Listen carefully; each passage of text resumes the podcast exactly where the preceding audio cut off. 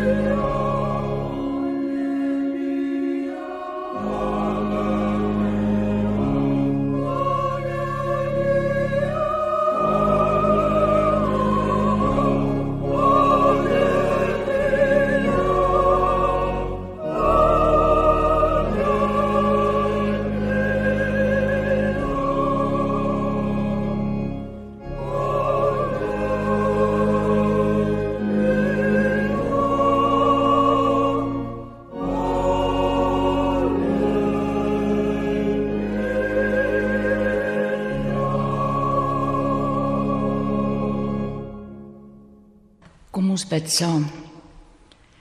Here God van liefde en genade.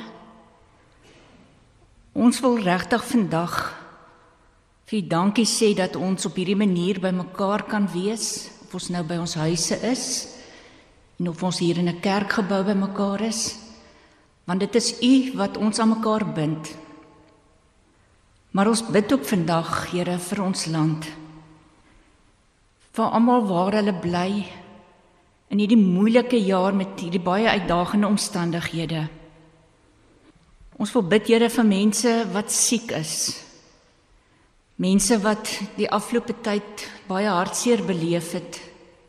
Wat geliefdes aan die dood afgestaan het, het sy deur moorde of deur die pandemie. Wil U asseblief in besonder ook vir hulle troos? En ons wil dankie sê ook Here vir ons gesondheidswerkers. Mense wat nou al maande onverpoos werk om vir hulle wat broos is en swak is te help. Dankie Here vir mense wat gewillig is.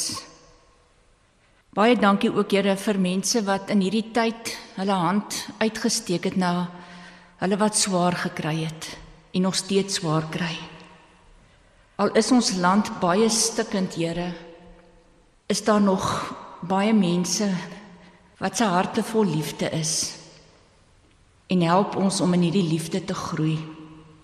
En waar ons nou uit die woord gaan lees, is dit my gebed dat U dit vir ons sal oopbreek en duidelik maak sodat ons ook anders hier sal uitstap as wat ons hier binne gekom het.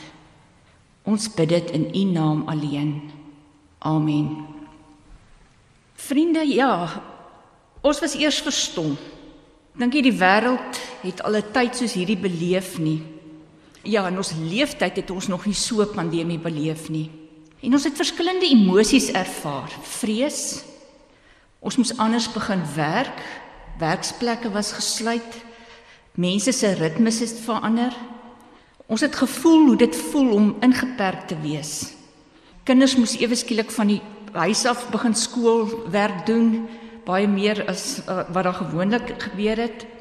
En gesinne het op 'n nuwe manier met mekaar begin saamleef. Mense het ook hulle werk verloor. Hongerte het toegeneem en mense is van mekaar af afgesluit.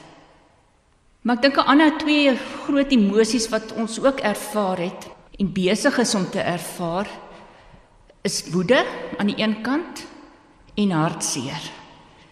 Mense wat geliefdes verloor het, mense wat hartseer is oor en bekommerd is natuurlik oor verskillende dinge. Maar dan ook hierdie ontsettende woede in ons land waar groepe eintlik teenoor mekaar opstaan. Waar die geringste ding wat gebeur die emosies laat opwel. Ja, ons het gesien dat geweld ook in hierdie tyd toegeneem het. Trokke gekaap is, mense um ingebreek, ambulanses aan die brand gesteek moord en rooftogte het toegeneem. Dit is ja, nie 'n goeie tyd nie. Nou wat gebeur in 'n mens se lyf wanneer jy al hierdie emosies, hierdie verskillende emosies beleef? Van woede, van hartseer, van bekommernis. Jou hartklop versnel, jou bloeddruk gaan op. Jy begin dalk bewe. Kortom, ons lywe kom ook in beweging. Dis nie net ons emosies wat met ons weghardloop nie. Ons lywe reageer ook op bekommernis en hartseer. En ek het baie gedink hierdie afgelope tyd en agtergekom dat ons 'n baie skraal beeld van God het. En ek wil vir jou op hierdie punt vra, watter prentjie het jy van God in jou gedagtes? Watter beeld kom in jou gedagtes op? Verlede jaar het 'n ouerige persoon aan my gesê dat hy tot baie laat in sy lewe vir God as kwaai en ongenaakbaar ervaar het. Dat hy altyd bang was vir God. Dit het my nogal ja, diep geraak en eintlik seer gemaak dat iemand met hierdie verskriklike God prentjie in sy gedagtes sit. Nou as jy sal onthou so 'n paar jaar terug het daar 'n boek The Shack verskyn wat lank op die New York Times lys van die topverkoper van godsdienstboeke was. En in hierdie boek word God as 'n Afro-Amerikaanse vrou um uitgebeeld. En dit het die mense nogal ontstel want dit pas nie mooi in by ons westerse prentjie van hoe God sou moes lyk nie. 'n Mens lees die koerante, ons luister nuus en natuurlik is God ook liefde. Maar dink ons het begin wonder hoe versoen ons God se liefde met al hierdie slegte dinge wat gebeur. Hoe kom die twee by mekaar uit? Ons kan sekerlik ure praat oor wat se prentjies ons van God het, want God is meer as net een prentjie. Ons moet ons verskraalde beeld, hierdie verskraalde prentjie van God uit ons gedagtes uitkry. En daarom gaan ons vanoggend stil staan by die tema oor God wat kan huil. En dis nie 'n prentjie wat vir ons maklik opkom nie want ons dink maar hoe hoe hoe kan God huil? En ek lees nou vir u uit Jeremia 8 uit. Nou in Jeremia 3, net so rukkie voor Jeremia 8, lees ons van God wat kwaad is. Hy was kwaad vir sy volk want hulle het nie na hom geluister nie, hulle was ongehoorsaam. Maar hier in Jeremia 8 vers 18 tot 9 vers 3 staan my smart oorweldig my. Ek is ewig ontsteld. Hoor op nou te roep my volk uit 'n ver land. Is die Here nie meer in Sion nie? Is Sion se koning nie meer in hom nie? Waarom tart hulle my met hulle afgodsbeelde, met hulle vreemde nikswerk gode? Die oes is af. Die somer is verby en ons is nog nie gered nie. En dan die pragtige woorde: My volk se wonde is ook my wonde. Ek is in die rou, deur angs oorweldig. Is daar nie balsem in Gilead nie? Is daar nie 'n dokter nie? Waarom het my volk nie gesond geword nie? Ag, was my kop maar vol water en my oë fontein met trane, dan sou ek dag en nag huil oor my volksgenote wat gesneuwel het. Daar was maar in die woestyn 'n herberg dat ek en my volk hier kon agterlaat en van hulle kon weggaan daarna toe. Hulle is almal egprekers, 'n klomp ontrou mense. En dan gaan ek na vers 10 toe. Ek sal huil en kla oor die berge. Ek sal 'n klaaglied sing oor die weivelde in die woestyn. Hulle is verwoes. Niemand kom daar verby nie. 'n Mens hoor daar geen diere nie. Al die voëls en diere het pad gegee. So sê die Here die Almagtige: Luister goed. Roep al die klaagvroue dat hulle kom. Laat kom die vroue wat weet hoe om klaagliedere te sing. Hulle moet gou maak en 'n klaaglied oor ons sing sodat die trane uit ons oë loop. Ons oë is nat van die trane. Laat hom wat wil roem daarin roem dat hy insig het en my ken. Ek is die Here. Ek bewys liefde, reg en geregtigheid op aarde, want dit is wat ek wil hê, sê die Here. Nou wat maak ons as iemand voor ons huil? Ons almal reageer nogal verskillend. As 'n klein kindjie huil, buig ons gewoonlik af na hulle toe en troos hulle. Ek weet nie hoe die manne voel nie, maar Hoe voel jy hier binne as jou vrou huil? Is raak jy magteloos of gespanne? Jy weet nie mooi wat om met haar te maak nie. En wat wat maak vroue weerloos en huilerig?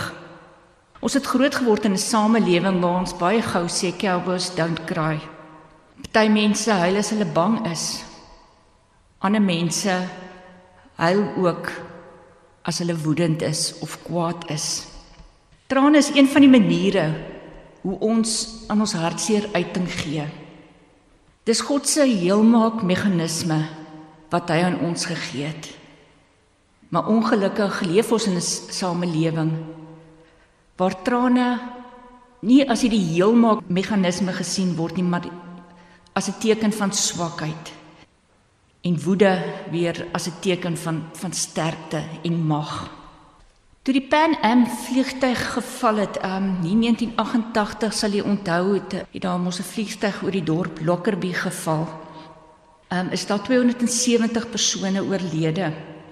En daar's verskeie um monumente opgerig ter nagedagtenis aan hierdie vliegramp. Nou Susan Lowenstein, een van die ma's wat 'n seun in hierdie ramp verloor het, het 'n beeldgroep van 43 huilende vroue gemaak. En dit wys vir ons iets van die samelewing se siening rondom trane. Net die vroue mag gehuil het oor hierdie verskriklike ramp. Die mans moes ondersteuning gee. Ons leer ook die liedjie My God is so groot, so sterk en so magtig. En dit is waar, God is groot. God is sterk. God is magtig. Maar God kan ook huil. Jesus het ook gehuil. Nou hoekom hoekom raak God hartseer? God huil, het ons nou in Jeremia gelees, as mense van hom af wegdraai. Dit maak God hartseer. Hierdie gedeelte is deel van Jeremia se aankondiging van God se oordeel oor Juda en Jerusalem omdat hulle van hom af weggedwaal het. Die noordryk of Israel sou deur die Assiriërs in ballingskap weggevoer word. En die suidryk Juda sou 'n vasaalstaat word. Jeremia was in 'n moeilike tyd profeet. Hy het nie hierdie maklike boodskappe gebring nie. Sy troos, sy boodskap sou veral as verraad teen die magshebbers beskou word, want hy hy, hy moes die leiers al, altyd aanvat. En die ergste van alles is Die mense was vir hulle eie omstandighede verantwoordelik. Is nog baie keer maklik as jy as iemand vir jou kwaad is en jy kan die skuld op iemand anders se skouers gaan plaas. Maar as jy foute maak en dit nie besef nie, is dit darm onbegryplik. En ons sien aan die begin van hoofstuk 8 hoe Jeremia hiermee worstel. Hy sê as 'n mens 'n verkeerde afdraai maak, dan draai jy tog terug. Jy hou mos nie aan op die verkeerde pad ry nie. Maar Israel het konstant van die Here af weggedraai en nie tot hom teruggekeer nie. En Jeremia sien hierdie tragedie voor hom afspeel. Hy sien hoe sy eie mense, kom ons sê sy geloofsgenote, oor en oor die verkeerde ding doen. En dan word die profeet se rou emosies van pyn oor sy mense se wonde opgeneem in die beeld van God wat huil. Hy sien die seer van sy mense. Dis nou God en hy kry saam met hulle seer. Want die mense het gedink God is weg. God is nie meer in beheer nie. Ek dink baie van hierdie gedagtes het ook hierdie jaar deur mense se koppe gegaan. Of hulle ag ander dinge belangriker as God. Dit gebeur ook vandag nog baie. En daar was 'n gebrek aan genesing. Nou ek het verwys na die balsam van Gilead. Dit was 'n baie bekende um medisinale kruie.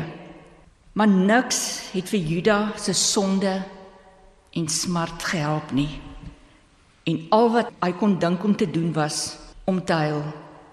En dan kry ons hierdie versmelting van God se trane en die profeet se trane. En dan roep hy sommer die klaagvroue ook op om saam te huil. Hulle was professionele huilers. Dit was hulle werk om te huil. Maar dis nie net God wat huil nie. Jesus het ook gehuil. Lukas 19 lees ons dat Jesus na Jerusalem kyk, net voordat hy Jerusalem vir die laaste keer sou binnegaan. En hy gaan staan stil en hy kyk na hierdie stad. En toe bars hy in trane uit oor die lot van die stad. En sy trane was ook 'n profetiese teken wat met die stad sou gebeur. Jesus spreek 'n oordeel oor Jerusalem uit omdat die mense van die stad nie wou snap wat aan die gebeur is nie. En hy verwy die stad omdat hulle nie agterkom hoe hulle kan vrede kry nie. Ek gaan 'n stukkie uit Lukas lees. Toe hy nog nader kom en die stad voor hom sien, het hy daaroor gehuil. En dan vers 44: Hulle sal jou met die grond gelyk maak en jou inwoners uitwis. Hulle sal in jou nie een klip op die ander laat bly nie omdat jy die betekenis van die tyd toe God gekom het om jou te red nie besef nie. So Jesus het gehuil oor mense wat nie wou hoor nie, wat nie wou verstaan nie. Maar ons lees ook dat hy net vir sy kruisiging gehuil het. En dit is waar huil wil sê positief word in die sin is is dit het Jesus in beweging gebring. Nou aanvanklik wou die mense nie Mense soos Aristoteles het hulle gesê God is die ewige, die onbeweegbare, die onveranderlike. Hulle wou nie menslike eienskappe aan God koppel nie. Maar dit is nie hoe die Bybel vir God uitbeeld nie. Natuurlik is hy anders, natuurlik is hy heilig. Maar ons is ook uit hom geskep. Baie van die eienskappe kan ons verstaan. So ons kry hierdie twee pole eintlik. God is in die hemel, hy's verhewe, ons kan hom nie sien nie. Hy's heilig.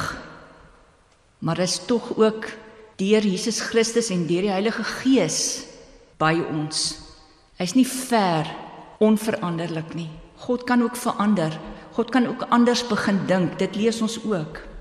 Wat moet ons dan met ons trane maak? Wat moet ons maak met 'n God wat ek glo ook vandag nie net oor die wêreld nie, maar ook oor Suid-Afrika heel.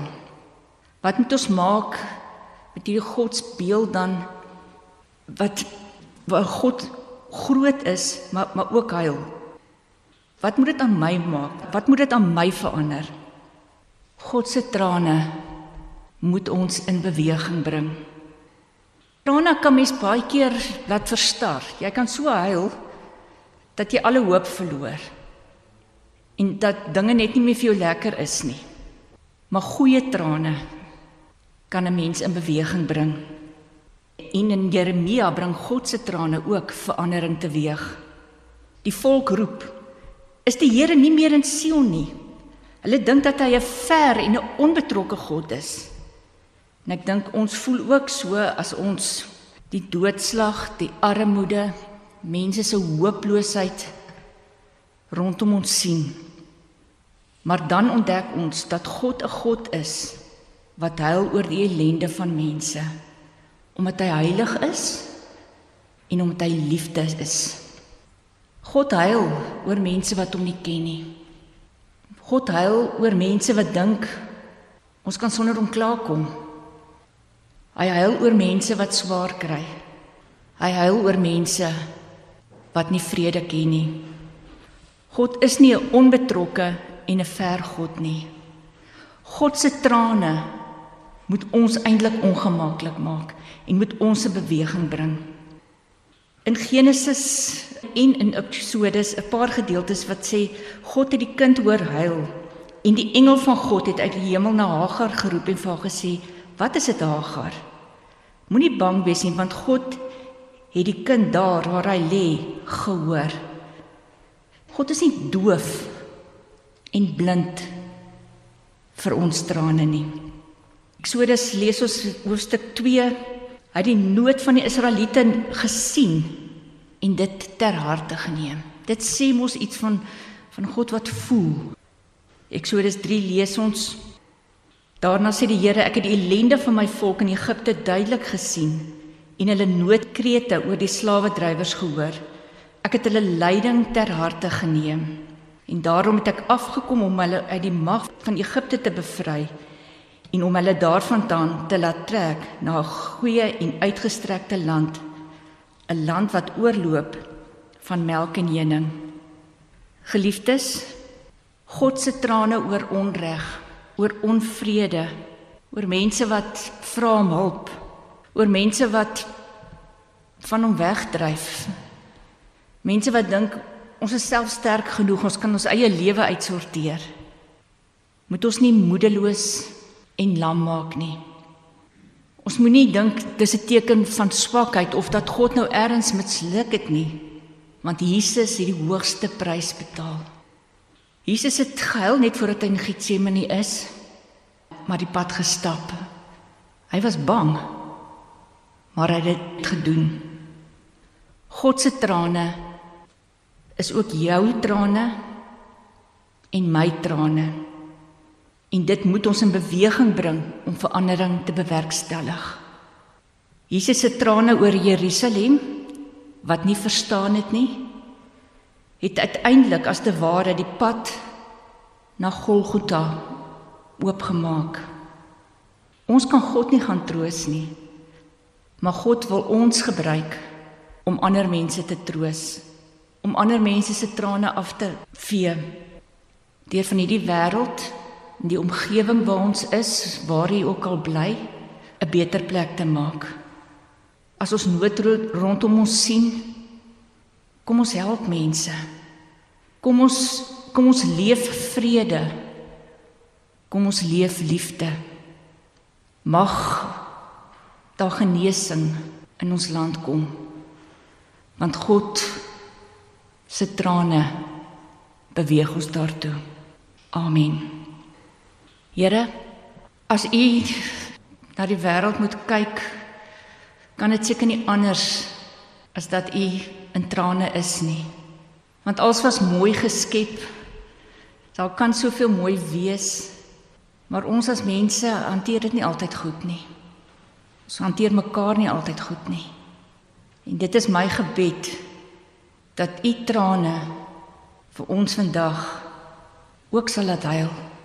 Maar nie net laat huil dat ons op 'n hoop gaan sit nie, maar ook in beweging bring.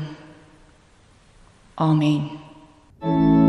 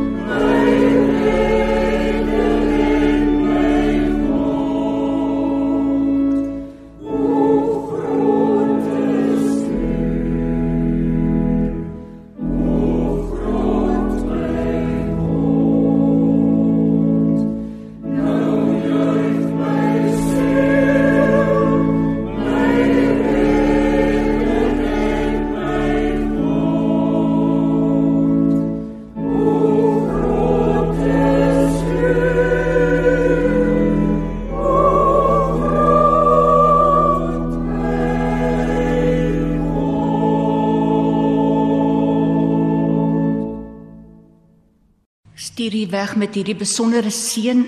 Mag die Here jou seën met ongemak oor maklike antwoorde. Hawe waarhede en oppervlakkige verhoudings sodat jy uit die diepte van jou hart kan leef. Mag die Here jou seën met trane en woede oor onreg, onderdrukking en die uitbuiting van mense sodat jy kan werk vir geregtigheid, vryheid en vrede. Mag die Here jou seën met trane om te stort vir mense wat pyn, verwerping, honger, oorlog, die pandemie ervaar sodat jy 'n hand kan uitreik en hulle pyn in blydskap verander.